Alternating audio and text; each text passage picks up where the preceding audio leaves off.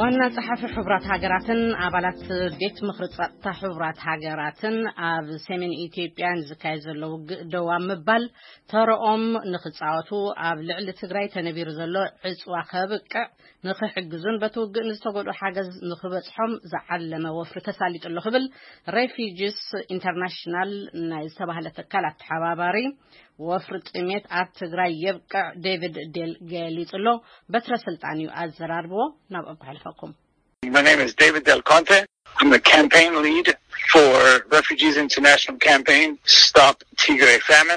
ዴቪድ ዴል ኮንቴ ይበሃል። ኣብ ረፊጂ ኢንተርናሽናል ኣተሓባባሪ ወፍሪ ጥምየት ኣብ ትግራይ የብቅዕ ኮይነ እሰርሕ ኣለኹ። ምስ ረፊጂ ኢንተርናሽናል ስራሕ ቅድሚ ምጅማረይ፣ ኣብ ኢትዮጵያ ምክትል ዳይረክተር ኦቻ ኮይነ ንኣስታት ሓሙሽተ ወርሕን ፈረቓን ዘገልገልኩን ምስ ሕቡራት ሃገራት ብሓፈሽኡ ንልዕሊ ዕስራ ዓመታት ዝሰራሕኹ ሰብ እውን እየ ይብል ዴቪድ ዴል። ኣብ ሰሜናዊ ኢትዮጵያ ብሕልፊ ኣብ ትግራይ ንዘሎ ሰብኣዊ ቅልውላው ክገልጾ ከሎ ድማ ከምዚ ይብል።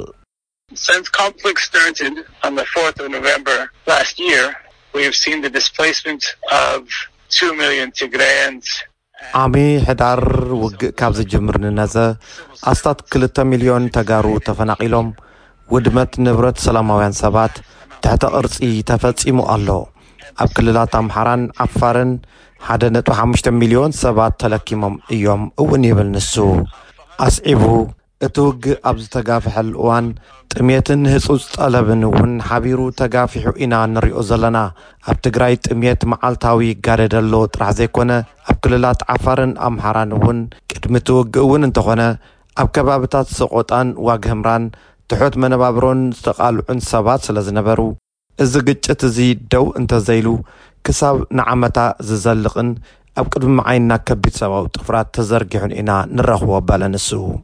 ናይ መቐለ ወኪልና ኢልናዮ ኣብ ትግራይ ሰባት ብሰንኪ ጥምየት ምሟት ከምዝጀመሩ ዝሕብር ሪፖርት ከምዝረኸበ ጠቒሱልና ኣሎ። ረፊጂ ኢንተርናሽናል እውን ማሕበረሰብ ዓለም ጣልቃ ንክኣቱ ተደጋጋሚ ፃውዒት ኣቕሪቡ እዩ። እንታይ ግብረ መልስን ውፅኢትን ተረኺቦም ኣለው ዝብል ሕቶ ኣስዒበሉ። ኣብ ረፊጂ ኢንተርናሽናል ኣተሓባባሪ ወፍሪ ጥምየት ኣብ ትግራይ የብቅዕ ዴቪድ ዴል ከምዚ ይብል። When we started this campaign in June of this year, it was to call upon the Secretary General and the UN Security Council.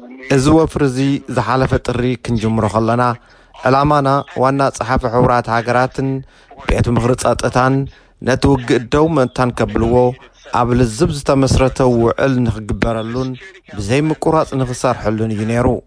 ዋና ጸሓፍን ቤት ምኽሪ ጸጥታን ክዘራረብሉን መግለጽታት ከውጽኡን ዋላ እውን እንተጀመሩ እቲ ውግእ ግና ይጋፋሕ እዩ ዘሎ።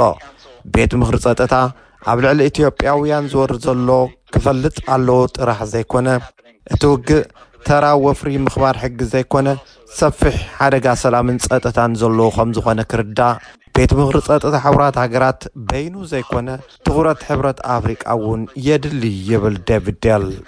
ብዙሕ ምድንጋራት ዝረኣየሉን ወሰንቲ ኣካላት ኣብ ዝተጸገምሉን ወቕቲ ስለ እንርከብ እዩ፣ ዝበለጸ ትኹረት ኣብ ቤት ምኽሪ ጸጥታ ንገብር ዘለና ዝብል ንሱ፣ ከምኡ ምስ እንገብር ጉዳይ ኢትዮጵያን ትግራይን ብዝምልከት እዩ ኩሉሻዕ ኣብ ኣጀንድኡ ንክገብርን ምድንጋራትን ናይ ሓሳብ ኣፈላላይን ክፍተትን ንከይህሉ ግጭት ምስ ዝቕፅል ጥምየት ህይወት ሰባት ከይበልዕ ኢና ንሰርሕ ዘለና እውን በለ። መንግስቲ ኢትዮጵያ ንሸውዓተ ሰበ ስልጣን ሕቡራት ሃገራት ኣብ ውሽጣዊ ጉዳያተይ ጣልቃ ኣትዮም ኢሉ ካብ ግዝኣቱ ከም ዝሰጎጎም ዝዝከር እዩ። እቲ ስጉምቲ ክሳዕ ክንደይ ነቲ ንዛረበሉ ዘለና ጸገም ዝያዳ ሓላሊኽዎ ኢልካ ትኣምን ዝብል ሕቶ ቀሪቡሉ ዴቪድ ዴል ይምልስ። As far as I know, the senior UN officials have yet to be replaced.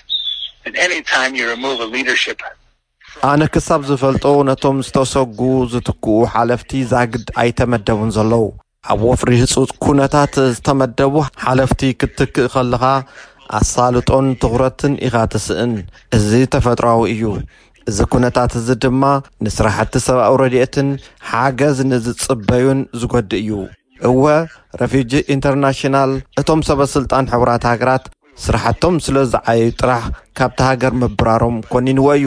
ሰራሕተኛታት ሕቡራት ሃገራት ስራሕቶም ስለ ዝፈጸሙ ጥራሕ ዝባረሩ እንተኾይኖም ምኹናንና ክንቅጽል ኢና ይብል ንሱ። ኣብዚ ቀረባ ሰሙናት ረፊጂ ኢንተርናሽናል ምስ ሰላሳ ዝተፈላለያ ዓለም ለኸ ትካላት ብምትሕብባር ናብ ዋና ጸሓፊ ሕቡራት ሃገራትን ናብ ቤት ምኽሪ ጸጥታ ሕቡራት ሃገራትን ደብዳቤ ከም ዘቕረብኩም ዝዝከር እዩ። ዕላምኡ እንታይ ነይሩ? ውጽኢቱኸ? ኢለዮ። ዴቪድ ይቕጽል። to urge the Secretary General and the Security Council to put an end to the conflict ዕላምኡ ዋና ጸሓፊ ሕቡራት ሃገራትን ኣባላት ቤት ምኽሪ ጸጥታ ሕቡራት ሃገራትን ነቲ ውግእ ደብ ኣብ ምባል ተርኦም ንክጻወቱ ንምዝኽኻር እቲ ኣብ ልዕሊ ትግራይ ተነቢሩ ዘሎ ዕጽዋ ንኸብቅዕ ንኽሕግዙ በቲ ውግእ ንዝተጎድኡ ሓገዝ ንኽበጽሖምን ዝዓለመ እዩ ነይሩ እቲ ሰነድ ንክልቲኦም ወገናት ኣረኪብና ኣለና።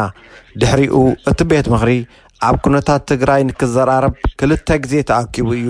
ስለዚ ኩነተ ጥሜትን ውግእን ኣብ ኣጀንድኦም ንክኾን ሰርሒና ኢና ኢሉ። ሓደ ካብቶም ኣስታት ሰላሳ ትካላት ዝፀውዕዎ ዓለም ለኸ ተዓዘብትን ጉጅለ ምፅራይን ክዋፈሩ ዝብል እዩ።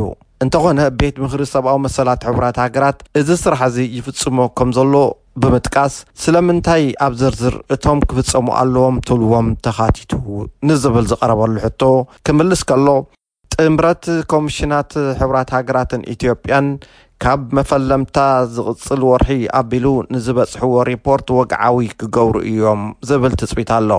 ከም እምነት ረፊጂ ኢንተርናሽናል ግና፣ ብርክት ዝበሉ ግፍዕታት ተፈፂሞም ይፍፀሙ ስለ ዘለዉ ተወሳኺ ምፅራይ የድሊ እዩ ኢና ንብል።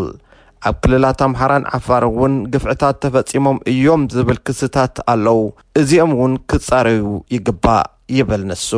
ምክትል ፕረዚደንት ረፊጂ ኢንተርናሽናል ሓላፊ ፕሮግራምን ፖሊስን ሀርዲን ለንግ፣ ኣብዚ ጉዳይ እዚ መሪሕነት ሕቡራት ሃገራት ኣዝዩ ኣገዳሲ እዩ። እዚ ጉዳይ እዚ ንኣሽሓት ህዝብታት ኣብ ትግራይ ሕቶ ምንባርን ዘይምንባርን ማለት እዩ ክብል ጠቒስዎ ኣሎ። ሕቶይ ካብ ሕቡራት ሃገራት ኮነ ካብ ቤት ምኽሪ ጸጥታ ሕቡራት ሃገራት እንታይ እዩ ትጽቢት ትገብሩ? እንታይ ስለ ዝጎደለኸ እዩ እቶም ኣካላት ክሳብ ሎሚ ካብ ምውጻእ መግለጺታት ሓሊፎም ናብ ተግባራዊ ስጉምቲ ክበቕዑ ዘይከኣሉ? ዝብል ሕቶ ኣቕሪበሉ። ዴቪድ ዴል ይቕጽል።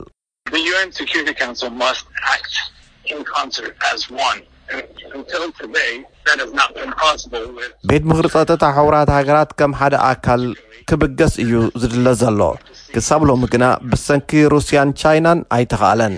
እዚ ኩነታት እዚ ክቕየር ኣለዎ። ቻይናን ሩስያን ዝገብርኦ ዘሎ ምትዕንቓፍ ሓደ መዓልቲ ዋጋ ዘኽፍለን እዩ ዝመስለኒ። ቤት ምኽሪ ጸጥታ ብሕብረት እዩ ዝነጥፍ። እቲ ቤት ምኽሪ ብሕብረት ክብገስ ድልየት ዘይብሉ እንተኾይኑ ግና ጥፍኣት እዩ ዝስዕብ በለ ኣብ ረፊጂ ኢንተርናሽናል ኣተሓባባሪ ወፍሪ ጥምየት ኣብ ትግራይ የብቅዕ ዴቪድ ዴል ጋሻና ስለ ዝኾንካ ዴቪድ ኣዚና ነመስግነካ። Pleasure. Have a good day.